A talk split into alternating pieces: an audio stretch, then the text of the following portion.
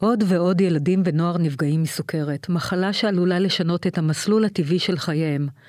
המאבק המתמיד של הילדים והמשפחות שלהם הוא להתמודד עם אבחון מאתגר, עם האתגרים היומיומיים ועם הטיפול הבלתי נגמר. אתם מאזינים למשחקי בריאות עם דן ארון ופרופסור איתמר רז. כולם יודעים שבבריאות לא משחקים, אבל יש כאלה שכן. סוכרת נעורים סוג אחד היא מחלה כרונית שכיחה בילדות. היא נגרמת על ידי הרס תאי בטא של הלבלב, המביא לחוסר באינסולין. 50% ממקרי הסוכרת מסוג אחד מאובחנים מתחת לגיל 20. מהי סוכרת נעורים, הגורמים להיווצרותה, מי בסיכון, כיצד מאבחנים, והכי חשוב, מהם החידושים בתחום. אתם מאזינים ל-ynet פודקאסטים. שלום פרופסור איתמר רז. שלום דנה. אני אה, לרגע תהיתי מתי אתה תתחיל ותגיד שלום דן ארון. אה, ניתן לזה עוד מספר עוד חודשים. קצת? אתה נותן לי את הזכות ההובלה. נכון. אתה יודע למה? כי אתה ג'נטלמן, כבר דיברנו על זה. וכי את uh, תותחית. תודה רבה. תודה רבה, פרופסור רז. טוב, היום אני רוצה לדבר על uh, סוכרת בילדים, סוכרת נעורים, או היום קוראים לזה בכלל סוכרת אחד. סוג אחד. סוכרת סוג אחד, כן. Uh, שלדעתי השם המזוהה ביותר מכל מה שאמרתי זה סוכרת נעורים. אז לשם זה היום uh, אנחנו מארחים את דוקטור אביבית ברנר. דוקטור אביבית ברנר מומחית באנדוקרינולוגיה ילדים, רופאה בכירה בבית חולים דנה. שלום לך. אז קודם כל, סוכרת נעורים, מאיזה גיל? הפודקאסט נעשה באופן בלתי תלוי וללא השפעה על התכנים, כשירות לציבור על ידי חברת נובו נורדיסק. אז באמת השם, אה, השם מכוון אותנו לקבוצת גיל מסוימת, ואמרת, הרוב הגדול מאובחנים בגיל צעיר. אבל אנחנו יודעים, סוכרת נעורים מוגדרת מעל, כשהיא מאובחנת מעל לגיל שנה. כשיש גם מקרים מאוד מאוד נדירים שאפילו לקראת גיל שנה. אה, ובגדול אנחנו מכירים היום יותר ויותר מקרים שמאובחנים גם אחרי גיל ה-20. כך ש... שהמסה העיקרית באמת מאובחנת בגיל הילדות וההתבגרות, אבל ישנם גם בני 20 פלוס ואפילו מקרים של גם בני 30 פלוס שמאובחנים עם סוכרת מסוג אחד. עכשיו, איך, אני כאילו טועה, איך מזהים סוכרת סוג אחד בתינוק? כאילו, מהם הסימפטומים? אז באמת, בתינוק בן uh, בשנה, והיו לנו כבר מקרים נדירים כאלה, זה מאוד מאוד מאתגר. כי הסימן הראשון לעלייה של רמת סוכר יכולה להיות uh, מתן שתן מרובה, השתנה מרובה. ותינוק שהוא עם חיתול, מאוד קשה לשים לב שעולה כמות השתן שהוא עושה. Mm-hmm. ועשויים לחשוב שזו סיבה אחרת, אז זה בהחלט מאוד מאוד מאתגר. או שותה הרבה, או יונק הרבה. שותה הרבה, כן. ונותן הרבה הרבה שתן. זה בהחלט, בהחלט נושא מאתגר. כשיש עלייה ברמות סוכר, בעצם יש לנו חוסר באינסולין, והחוסר באינסולין לא מכניס את הסוכר לתוך התאים, ולכן נגרמת ירידה במשקל. לא, לא רק זה, אתה מפריש הרבה מאוד סוכר, סוכר זה קלוריות. אם אתה נותן ליטר, שני ליטר נוספים של שתן ביום, אתה יכול לאבד כמו כלום מאות קלוריות. רוב הסוכרת סוג אחד בילדים, תתרחש בין הגילים 5 ל-15, זה פחות או יותר הטווח, רוב, יש הרבה שיהיה מעל, יש הרבה... מתחת גיל שנה זה כמעט לא קיים. זאת אומרת, אם אתה רואה את הילד... באמת מאוד נדיר. הבנתי. כן, אם אתה רואה את התינוק שלך, משהו לא בסדר, אז אתה יכול ללכת, אתה יכול גם להגיד, אפשר לבדוק לו סוכר בשתן, זה הדבר הכי פשוט לעשות. אבל הגילים העיקריים שמטרידים אותנו, חמש זה עד... חמש עד חמש עשרה. חמש עשרה. למרות שרואים את זה גם בגיל שלוש, רואים גם לא בשלוש. נכון, ורואים גם, כן, שלוש. ורואים אבל גם איך, ב-16 מה רואים? ו-17. זה מה שאני מנסה אז באמת ל- הסימן להבין. הראשון יהיה מתן שתן מרובה. כן. עוד לפני שיש ירידה במשקל. וזה עשוי להתבטא בזה שילד שלא קם קודם לכן לעשות פיפי בלילה, פתאום רואים אותו מטייל והולך לשירותים. או מאבד שתן במיטה. או מרטיב, ילד שלא הרטיב כבר, אה, כבר שנה, שנתיים והוא גמול לגמרי, ופתאום יש לו הרטבת לילה, צריך לחשוב על סכרת. אבל לא נכון, הרטבת וגם- לילה חד פעמית. אלא אם זה משהו שחוזר על עצמו, אני מניחה, נכון? וגם שתייה מרובה מאוד. הילד מתחיל לשתות הרבה יותר והרבה יותר מתוקים. כי משום מה בסוכרת... אבל איזה ילד לא רוצה מתוקים? זאת אומרת, זה לא היה כן, מדליק אבל זה לי עניין נורא. כמותי, זה עניין כמותי. אבל רואים שהילד הילד רעב, והוא רעב רעב מעבר מאוד. למה שהוא נכון. בדרך כלל. הוא מחפש לשתות הרבה ולאכול יותר. ואז, אם באמת, אם לא מאבחנים תוך, אה, תוך מספר, מספר שבועות, אז באמת מתחילים לראות שהילד יורד במשקל. הוא אוכל הרבה. והוא יורד במשקל, וזה מאוד מחשיד בסכרת. אבל באמת הסימן הראשון שאפשר לשים לב אליו, זה המתן שתן מרובה, והסימן העוד יותר עדין. אצל, אצל ילדים, זה הלקום בלילה לעשות פיפי. נכון. כן, כי לרוב זה לא משהו שהוא אה, צריך להיות. כאילו, אמת. רק מגיל מסוים, ברור, לגמרי. יש קשר לעייפות? בהחלט, בהחלט. עם, ה, עם ההתקדמות של הסימנים, הילד מרגיש שהוא חלש, שהוא עייף.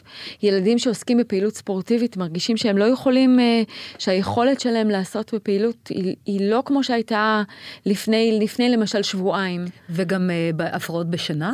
מלבד לקום לשירותים? או אני לא שנרדמים חושבת היטב? שהפרעת שינה היא מה ש...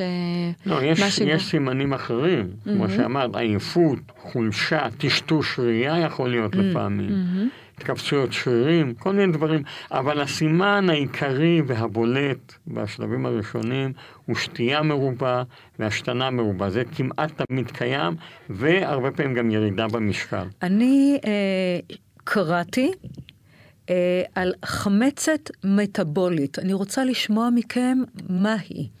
עכשיו באמת, חשוב לשים לב לסימנים ההתחלתיים, כי אז אפשר לאבחן סכרת עוד לפני שיש לנו התפתחות של חמצת מטבולית. אז בוא נסביר מה זה חמצת מט... חמצת מטבולית. מטבולית זה בעצם תוצאה של פירוק רקמת שומן. כשלגוף חסר, אינסולין הוא בעצם, הוא הורמון אנבולי. מה זה אומר? זה אומר שזה הורמון שחשוב לבנייה של הרקמות.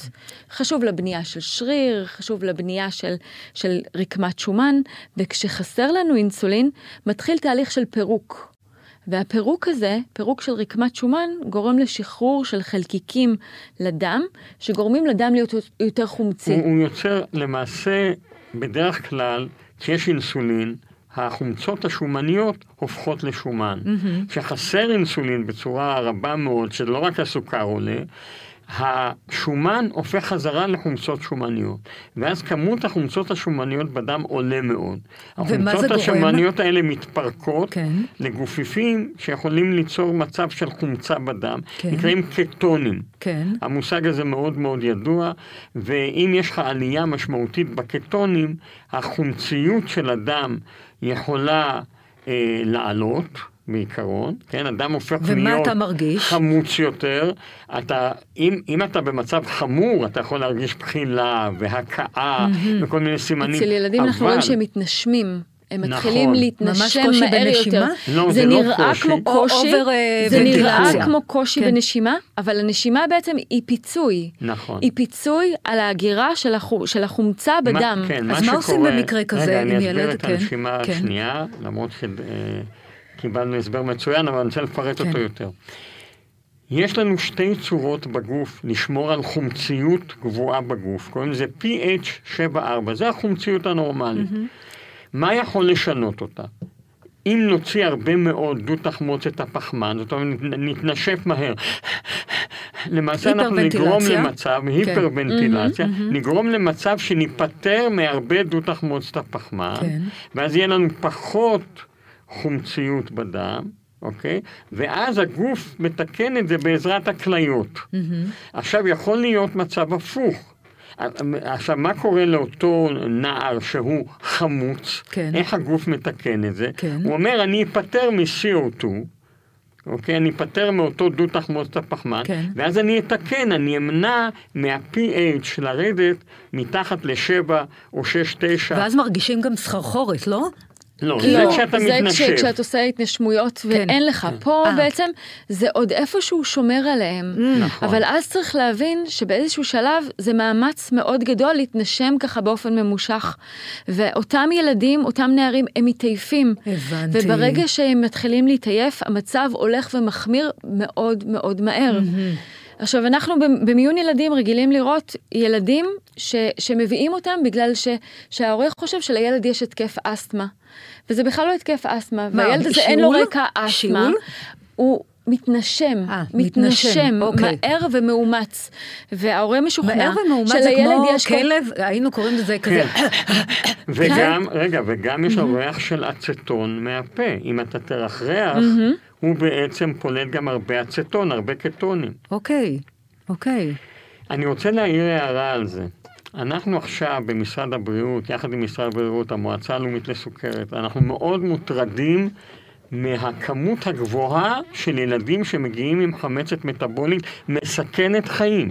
אה, היו- השאלה אם היא מסכנת חיים אגב? המצב הזה הוא מסוכן, הוא מסוכן. חוסר אבחון בזמן יכול להביא להידרדרות של מצב ההכרה של הילד. תוך כמה זמן?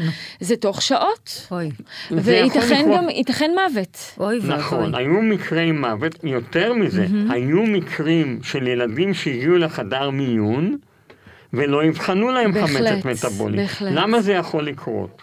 למשל, לדוגמה, באים זוג הורים שלא מדברים את השפה. הם לא יודעים לתאר מצב שהילד עושה הרבה פיפי והרבה זה, הם לא יודעים, וגם הילד לא יודע. אוקיי.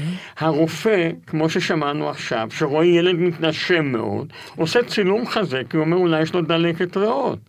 יש הרבה מאוד פספוסים אה, בתחום הזה, ולכן אנחנו היום הוצאנו הנחיות מאוד ברורות, אני לא יודע אם זה כבר הגיע אלייך, דוקטור mm-hmm. ברנר, של מה עושים במיון, איך לא טועים בהבחנה של ילד עם חמצת בעצם מטבולית. מה שאתם עושים זה מעלים את המודעות לרופאים במיון, כן. שקיים דבר כזה, ואנא גם שימו לב. להורה, גם לרופא כן. ילדים וגם ל- ל- לרופאים וואו, במיון. הפודקאסט הזה חשוב מאין כמותו. חייבים לדעת בזמן גם יכול. להיות גם כן. כאבי בטן משמעותיים והקאות, נכון. ואז הבטן עשויה להיות ממש נוקשה אצל הילד. יש פה לפעמים מקרים שחושבים שאולי לילד יש דלקת בתוספתן, אפנדציטיס, כן. וזה בכלל חמצת קטואצידוטית. וואו. דוקטור ברנר, מותר לי להגיד מילה? בטח. בבית חולים שבו אני הייתי, הגיע ילד בן 13, עם מה שמתארת דוקטור ברנר. נעשתה לו הבחנה של דלקת התוספתן. הוא עבר ניתוח. התוצאה הייתה, התוצאה הייתה שהוא אה, קיפח את חייו. אוי, בגלל שלא. יבחנו את הבעיה העיקרית למצבו. כשיש הבחנה מצב שאסור כזה, לפספס. אסור לפספס. כן. איך מטפלים בחמצת מטבולית? אז הטיפול בסוכרת בסוף הוא טיפול סך הכל פשוט. לא בסוכרת. ש... בחמצת בחמצת מטבולית. יש התקף, הילד בר... ב- זה לא התקף. אז מה? זה בעצם מצב מאוד קיצוני של חסר באינסולין. ואז הפתרון הוא אינסולין. אבל כשיש לנו חמצת קטואצידוטית, הטיפול באינסולין צריך להיות מאוד מאוד הדרגתי, והוא נעשה רק במסגרת טיפול נמרץ. הבנתי. זאת אומרת, רגע, אם זה משהו לא- כזה קורה במגרש הכדורגל בבית ספר, לא, זה חייבים לפנות את לא, הילד לא. ישר למיון. מפנים את הילד למיון. ילד- זה לא קורה להזריק- פתאום. לא, זה לא קורה פתאום, זה זה הידרדרות. לא קורה פתאום, זו הידרדרות של. של שעות. בואו נבדיל בין שני דברים. כן. ילד שאיננו מאובחן וילד שהוא כן מאובחן. נתחיל עם מאובחן. ילד שהוא מאובחן, כן. לרוב יראו רמות סוכר מאוד גבוהות בדמו, כי כמו ששמעת, כמעט כל ילד, לדעתי כל ילד היום, שיש לו סוכרת סוג אחד, מסתובב עם סנסור. אוקיי. והוא פתאום יראה שיש לו 300 ו-400. הקטע של חמצת מטבולית מתרחש הרבה אחרי שיש לך 300 ו-400. הבנתי. אז הוא כבר ידע, ואז הוא שעות. ידע לאזן עצמו. כן, אוקיי. כן. הוא ידע לאזן את כן, עצמו. הבנתי. עכשיו הבנתי. נדיר שילד כזה, תכף אני אתאר לך מצבים כן. שזה כן קורה. המצב השני הוא מצב חדש, שזאת הבעיה העיקרית, שלא כן. שמים לב, ההורים לא שמים לב לעובדה שהילד, משהו קורה לו. ואז בהתחלה עולה הסוכר, כן. ואחרי כמה שבועות מתחיל המצב של החמצת. והילד מפונה הרבה פעמים לבית חולים, הוא יכול להיות מפונה במצב קשה, אולי בגלל הכאה, אולי בגלל כן. התעלפות. ופה, אולי... בגלל שיש הבחנה מבדלת, אז מאוד חשוב לעשות את ההבחנה הנכונה. לילד כזה לא יינתן, למשל במד"א שבו הוא כן. ייסע, לא יינתן טיפול ב- באינסולין. כי טיפול באינסולין, כשכבר יש לנו חמצת, צריך להיעשות מאוד מאוד בהדרגה. בהדרגה. ורק בעצם ב setup של טיפול נמרץ. כן, לכן שאלתי מה עושים במקרה כן, ו, אבל לגמרי כי- ברור כי- שילד עם סוכרת, אז יש לו את הסנסורים. יטפל זה. בעצמו. גם עוד. עוד מילה, מהירות ההפניה של ילד מאזור אירוע למיון צריכה לקחת סדר גודל של מקסימום חצי שעה. זה לא מה שיעשה את השינוי. אני רוצה להזכיר עוד דבר בהקשר הזה, נעבור אחר כך כן. לדברים אחרים. יש היום תרופה שהיא תרופה טובה מאוד לאיזון הסכרת. התרופה הזאת היא גורמת להשתנת סוכר, זו תרופה שגם מרזה. והיא משומשת בעיקר בסוכרת מבוגרים, אבל היא טובה מאוד גם לסוכרת סוג אחד. אלא מה? היא עושה שני דברים שמטעים אותנו. היא, מש... היא גורמת להשתנת הסוכר, ואז רמות הסוכר בדם יכולות להיות נמוכות יחסית, למרות שלילד יש בה סוכרת מתקדמת מאוד. רק לא ציינת שהיא לא מאושרת לשימוש בילדים. רגע, אה, היא לא מאושרת אה, לשימוש. תרופה שניתנת ל... רגע, אני תכף נגיע לעניין של השימוש בילדים. התרופה הזאת היא גם כן אה, מעלה את רמת חומציות הדם. זאת אומרת, היא מסכנת את הילד או את הנער או את המבוגר בהתרחשות של מה שאנחנו קוראים חמצת מטבולית. היה לי מקרה, אני רוצה לספר לכם, במחקר של בחור שבמקרה ישבתי עם אימא שלו ביום שישי בבית הקפה שבזמנו נקרא בראון והיום הוא נקרא סטודיו. והאימא אומרת לי, הילד, הנער, נער בן 25, הקיא כל הלילה. אני שואל את השאלה הפשוטה, האם הוא בדק את חומצות הדם? כי יש בדיקה מאוד פשוטה בדם, שאפשר לקנות אותה ולבדוק אותה בבית. איפה קונים אותה? בסופר פארם? בכל מקום. לא, את אותם קטונים שהזכרנו, אפשר לבדוק בבדיקה כזו של, stick בדקירת האצבע. אין שום אז בעיה. מה כמו מבקשים מהרוקח? בדיקה לגלו... keto sticks. בדיקת קטו, יפה. כן. שאלתי אותה האם הוא עשה בדיקה, היא אמרה, לא יודעת, צלצלנו כן. אליו. הוא עשה בדיקה, והסתבר שיש לו חמש וחצי. חמש וחצי זה מצב שהוא מאוד מסכן חיים. הוא הגיע לבית חולים איכילוב בתוך כחצי שעה. ה-PH שלו, מה שדיברנו, החומציות בדם, הייתה 6-8. זה כבר על גבול המוות, זה כבר על גבול חוסר יכולת לתיקון. הוא לשמחתנו יצא בשלום אחרי כמה ימי אשפוז. הנושא הזה, למה אני מזכיר אותו? מכיוון שיש היום רופאים שנותנים את התרופה הזאת, כולל אני, לאנשים עם אתה סוכרת. מדבר על התרופה של זריקות ההרזייה, מה שאנחנו לא, קוראים? אני מדבר על על מה? כדור, על כדור? שגורם לך לשתן את הסוכר ביתר. הבנתי, אוקיי. מה לגבי, עכשיו עולה לי, זריקות ההרזייה? האם הן מאושרות?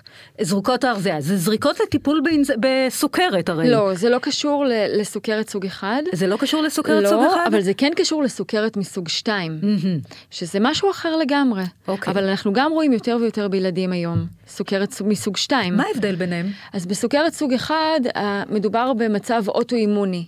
הגוף בעצם, מערכת החיסון, הורסת בהדרגה את תאי הבטא, ואז נוצר לנו חסר מלא באינסולין. והפתרון הוא להשלים אינסולין. לתת אינסולין, או דרך משאבה, או דרך זריקות, ו- ולאזן את רמות הסוכר. ברור. אה, בסוכרת סוג 2 זה מצב שהוא הרבה יותר מורכב. שיש גם סוכרת נעורים סוג 2 או לא? אנחנו לא קוראים לזה, גם לסוכרת סוג 1 אנחנו כבר לא קוראים סוכרת נעורים, אבל לצערנו, למה? כי זה לא, כמו שהזכרנו, זה לא רק בנעורים, יש גם בני 20, יש גם בני 30, יש אפילו לפעמים גם מעבר לזה. אוקיי. ובסוכרת מסוג 2, שבעבר היינו אומרים זה רק של מבוגרים, או שזה רק של אנשים מבוגרים, של אנשים זקנים, אנחנו היום רואים יותר ויותר בני נוער וילדים צעירים שהם בדרך, וזוהי תוצאה ישירה של שהם השמנה. בדרך. של השמנה. זה לא, טרום לא, לא, גם סוכרת? סוכרתיים. לא רק זה, יש ילדים שמנים סוכרתיים. כן.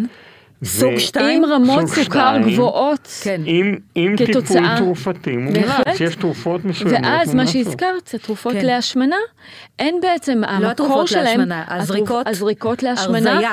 להרזיה, כן. הם במקור תרופות לסוכרת. לסוכרת סוג 2. אז היית ממליצה לנערים ונערות עם סוכרת סוג 2 להשתמש בזריקות, הזריקות לטיפול תראו, בסוכרת? הבסיס בעצם לטיפול בהשמנה ובסיבוכים של השמנה כן. הוא קודם כל שינוי הרגלי חיים. אוקיי.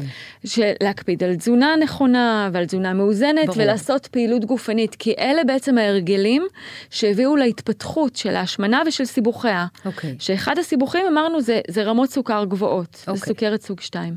הפודקאסט נעשה באופן בלתי תלוי וללא השפעה על התכנים, כשירות לציבור על ידי חברת נובו נורדיסק. אז התרופות בעצם שניתנות בהזרקה יומית, שזה מאושר מעל גיל 12, או, או שבועית, שזה מאושר מעל לגיל 18, הן יעילות מאוד גם mm-hmm. באיזון של רמות הסוכר, גם בהפחתה של תחושת הרעב, אה, וגם בהפחתת סיבוכים אחרים. אנחנו רואים... אני רוצה רק להוסיף שה-FDA לפחות אישר גם את התרופה השבועית mm-hmm. לילדים מעל גיל 12. Mm-hmm. כן. עשו מחקר, הראו שזה טוב, פורסם בניו אינגלנד ג'ורנל. ואושר על ידי ה-FDA. כן, ואנחנו ממתינים שזה יאושר גם בישראל. והורים מעדיפים פעם בשבוע מאשר, כי יש את עניין המחט והזרקה, למרות שהבנתי שזה לא כזה big deal. הבעיה כרגע כן. בישראל כן. זה בעצם הנושא של הזמינות של התרופה, ואני mm-hmm. מניחה שזה אחד המעצורים נכון, בקבלת האישור. נכון, אבל כיום הזמינות חזרה. כיום הזמינות okay, אוקיי, חזרה, אז... אבל כמו שאומר דוקטור ברנר, זה עולה ויורד, עולה ויורד, לכן אנחנו לא בטוחים שתמיד תהיה זמינות. בוא נדבר רגע על טרום סוכרת אצל אה, נערים ונערות. ואת מדברת על סוכרת מסוג 2. נכון. שזה בעצם המגפה... על איזה סוכרת? מסוג 2. למה? בואי נדבר על סוג 1. בוא נתחיל עם סוג 1, בהחלט. טרום בבקשה. סוכרת טרום בסוג 1. טרום סוכרת בסוג 1 בנערים ונערות, ילדים וילדות. כן. אולי אני אגיד כמה כן. מילים ואת תוסיפי, דוקטור ברנר. אה, קודם כל זו מחלה מאוד תורשתית, למרות שהסיכוי שילד שלך אה, יפתח סוכרת סוג אחד אם אחד ההורים יש להם, הסיכוי הוא נמוך, הוא נע בין שלושה אחוז לחמישה אחוז, זה תלוי מתי וכולי. יש גורמים נמוך. סביבתיים? אם אני אוכלת כל היום שוקולדים אז אני אעלה? יש גורמים סביבתיים? לא. לא. יש גורמים סביבתיים לכל דבר, זאת אומרת, ילד... דוקטור ברנר אומרת לי לא. אז אני... לא, יש גורם... הגורמים הסביבתיים הם לא דווקא, דווקא פה זה לא הנושא התזונתי. נכון. 아, אה, אוקיי. יש פה כן? גורמים סביבתיים מאוד משמעותיים. אז רגע, כן. אז יש... תראו, בוא... מי, ילד מפתח סוכרת סוג 1 בגיל 14, כן. אוקיי? אז יש לו לרוב גנטיקה, למרות שב-60% מהמקרים לא תמצא את המחלה במשפחתו. זה לא אומר שהיא לא כוננה בה, או שהיא לא בסיס, הייתה בה. יש לו בעצם בסיס גנטי. כן. אתה לא יודע אם לא היה מישהו עם סוכרת סוג 1. אז יש את הגנטיקה, שהיא כנראה סדר גודל של 60% או 70% מה, מהאירוע, או הרבה יותר בעצם. אבל כמות הילדים שיכלו, היא סדר גודל של שלושה עד חמישה אחוז מאלה עם הגנטיקה. בוא נחזור לטרום סוכרת. אוקיי, עכשיו טרום סוכרת, mm-hmm. אנחנו יודעים לאבחן היום מי יפתח סוכרת. איך? על ידי בדיקות דם. יש שתי בדיקות דם, אחת קלאסית שבה אתה בודק נוגדנים כנגד התאי הבטא, כנגד כן. התאים מפרישי האינסולין. אם אתה מוצא נוגדן אחד או שני נוגדנים, רוב הסיכויים שבתוך שלוש-ארבע שנים או פחות, הילד יפתח סוכרת. וההמלצות לזה, נקרא, מה רגע, הטיפול? רגע, כן. זה נקרא סוכרת אה, שלב 2, כן. לפני שהיא עוברת לשלב 3, שבו כבר המחלה מתפרצת. יש לנו עוד דרך לגלות את המחלה, למרות שהיום פחות עושים את זה, לתת זריקת סוכר. זאת אומרת, לתת לילד דרך הווריד, או אפילו דרך הפה אפשר, אבל... כמו נשים בהריון שהם שוקר, כמו נשים בהריון, לא? כן, ולראות מה שקורה כן. בסוכרת סוג אחד, הרבה פעמים הם מאבדים את החלק הראשון של הפרשת האינסולין. אינסולין מופרש בשני גלים, אחד קצר, אחד ארוך, הם מאבדים את המוקדם.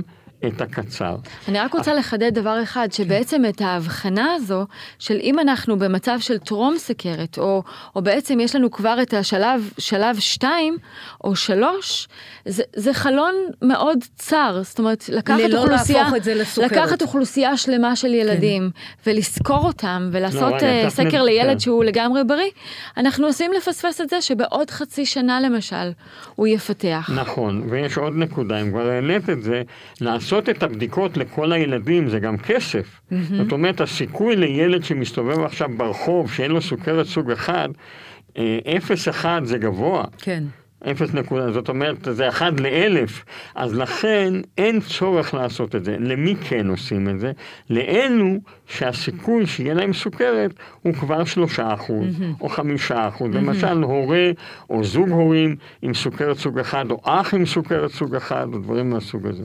עכשיו, מה הטיפולים? אז קודם כל, ה-FDA אישר עכשיו טיפול שיכול למנוע חלקית, זמנית, את המעבר מטרום סוכרת לסוכרת בערך בשלוש שנים, ב-32 חודש.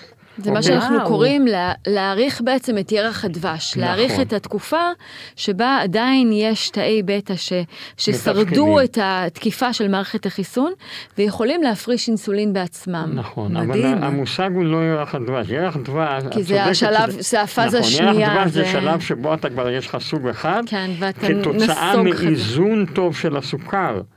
הרי מה עושים? ילד פיתח סוכרת סוג אחד, אתה רוצה להכניס אותו מסלול טוב. לירח הדבש. כן.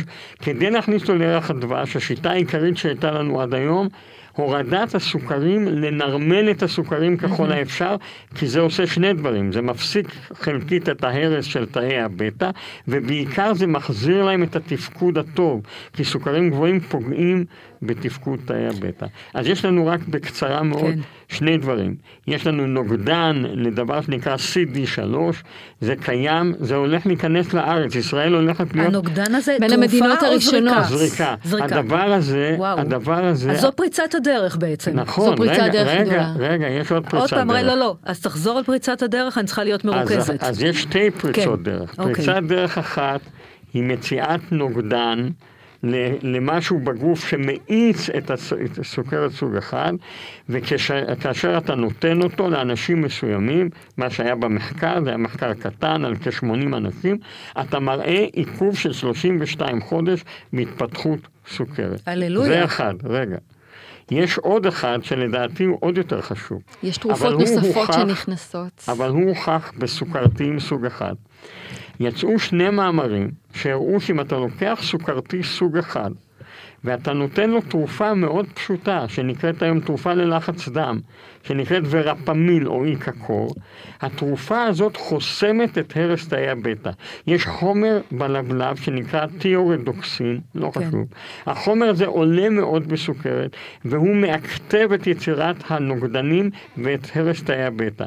הוורפמיל, התרופה הזאת, שהיא תרופה נגד לחץ דם, איקקור, ומי חושב לתת אבל לנערים או נערות אבל לא באמת בלחץ רגע. מה דם? שראו זה רגע, באמת כן, הערכה רגע. של השרידות של תאי הבטא. כן. אז אותם נערים, אותם ילדים שכבר במקרה הזה של התרופה הזו, הם כבר אותרו בעצם עם סכרת, הם כבר אובחנו כן. עם סכרת, ואז נכון. בעצם כבר התחילו אינסולין, והתרופה הזו האריכה להם את השרידות של, אותה, של נכון. תאי היא הבטא. כבר ניתנת. נכון, או לא, היא רק לא. במסגרת לא, מחקר. היא לא. ניתנה במסגרת מחקר, מחקר. אבל לא, היא אני בהחלט נותן אותה אפשרית לתת. במסגרת דבר שנקרא... אתה נותן. בוודאי. במסגרת 29ג', זאת אומרת, אני שולח בקשת אישור למשרד הבריאות ונותן אותה. זה לא מסובך, כי התרופה הזו היא כבר מאושרת לשימוש, והפרופיל בטיחות שלה הוא מאוד טוב. לשימוש. זה מדהים בעיניי. זה מדהים. אז- במחקר הראו שאחרי שנה, כמות הלב- הפרשת הלבלב של, הסיפ... של, כן. של חומר שנקרא סיפפטייד, שזה חלק מהאינסולין, לא ירדה. זאת אומרת, עברה שנה, והם היו באותו מצב טוב שבו הם נכנסו. הם כבר באו במצב של הנימון, וההנימון נשמר. אלו שקיבלו פלסבו, אין בו, האנימון זה אומר, אה, איזנו אותם, איזנו אותם והאיזון ושמרו אותם אותו נשמר. דבר. אוקיי, אלה שקיבלו אה, תרופת כלום, כן. אין בו, כן. הורידו את תפקוד הלבלב שלהם ב-30 אחוז. או-אה, אוקיי. איזה פער. עכשיו, מה המשמעות של הדבר הזה? אנחנו יודעים שאיזון טוב בשנים הראשונות הוא מרשם יוצא מן הכלל למניעת סיבוכים עתידיים. כבר בטווח של 10-15 שנה. מדהים. נכון שזה נדיר, אני לא רוצה להפחיד אף הורה, אבל יש בדבר הזה בשורה ענקית להורים. למה? כי הורים באים אליך ואומרים, אני רוצה שהילד שלי יהיה בריא, אני רוצה שהילד שלי יהיה לו אה, ירח דבש ארוך ככל האפשר. כן. והיום יש לך בעצם תרופה פשוטה, שאתה צריך לתת אותה בזהירות רבה, להתחיל במיליגרם לקילוגרם ליום, ולעלות לפי מצבו של הילד. זו תרופה שיכולה גם, תיאורטית, לחסום את המעבר של הסיגנל החשמלי מהעלייה לחדר, להקטין אותו. זאת אומרת, זה לא מים, צריך לדעת איך לטפל בזה, אבל זו בשורה גדולה מאוד להורים. עכשיו, אה, אה, פרופ... אה, דוקטור ברנר, האם התרופה הזאת, את משלבת אותה יחד עם התרופות, עם הזריקות לסוכרת? תראי, אני עדיין לא משלבת, להבדיל מפרופסור רז, כי זו, זו סך הכל, זו פריצת דרך שפורסמה לא מזמן, ואנחנו אצלנו במרפאות ילדים עוד לא הכנסנו את זה לפרקטיקה רוטינית. אבל זו בהחלט פריצת דרך. צריך רק להבין שהמשמעות כרגע של הערכת מה שקראנו ירח הדבש, היא לא ריפוי של הסכרת. זאת אומרת, היא לא לעבור ממצב של הבחנה של סכרת למצב של הבחנה של אין סכרת. Mm-hmm. וזה נורא נורא חשוב ככה ליישר את הציפיות. זה בהחלט יכולה להיות הערכה של ירח הדבש. יש לזה משמעות גדולה מבחינת האיזון העתידי של הילדים, אבל... וגם הסיבוכים. והסיבוכים העתידיים, שהם תולדה בעצם של, של דרגת האיזון לאורך השנים. אה, יש פה פריצת דרך, אבל כרגע בכל אופן, המטרה ב- כשילד חדש, כשילד בעצם יש לו הבחנה חדשה של סכרת, זה לרתום את הילד ואת ההורים לשגרה חדשה של טיפול, של מעקב אחר רמות סוכר ושל איזון של רמות הסוכר. אז, אז מהו הטיפול, הטיפול האופטימלי? אינסולין. אינסולין. הטיפול, הטיפול כשיש לנו חסר באינסולין, הוא על ידי אינסולין. אין לנו עדיין חלופה, חלופה אחרת שמשחזרת באופן מלא את ההפרשת האינסולין העצמית. אוקיי. והטיפול הזה יכול... אז הטיפול הוא באינסולין, לנ... אבל כניסה לירח הדבש. היא, היא, היא יכולה להיעשות כאילו יותר טוב אם אני הולכת על התרופה שפרופסור רז כבר נותן אותה בזהירות רבה, פלוס זריקות, או לא?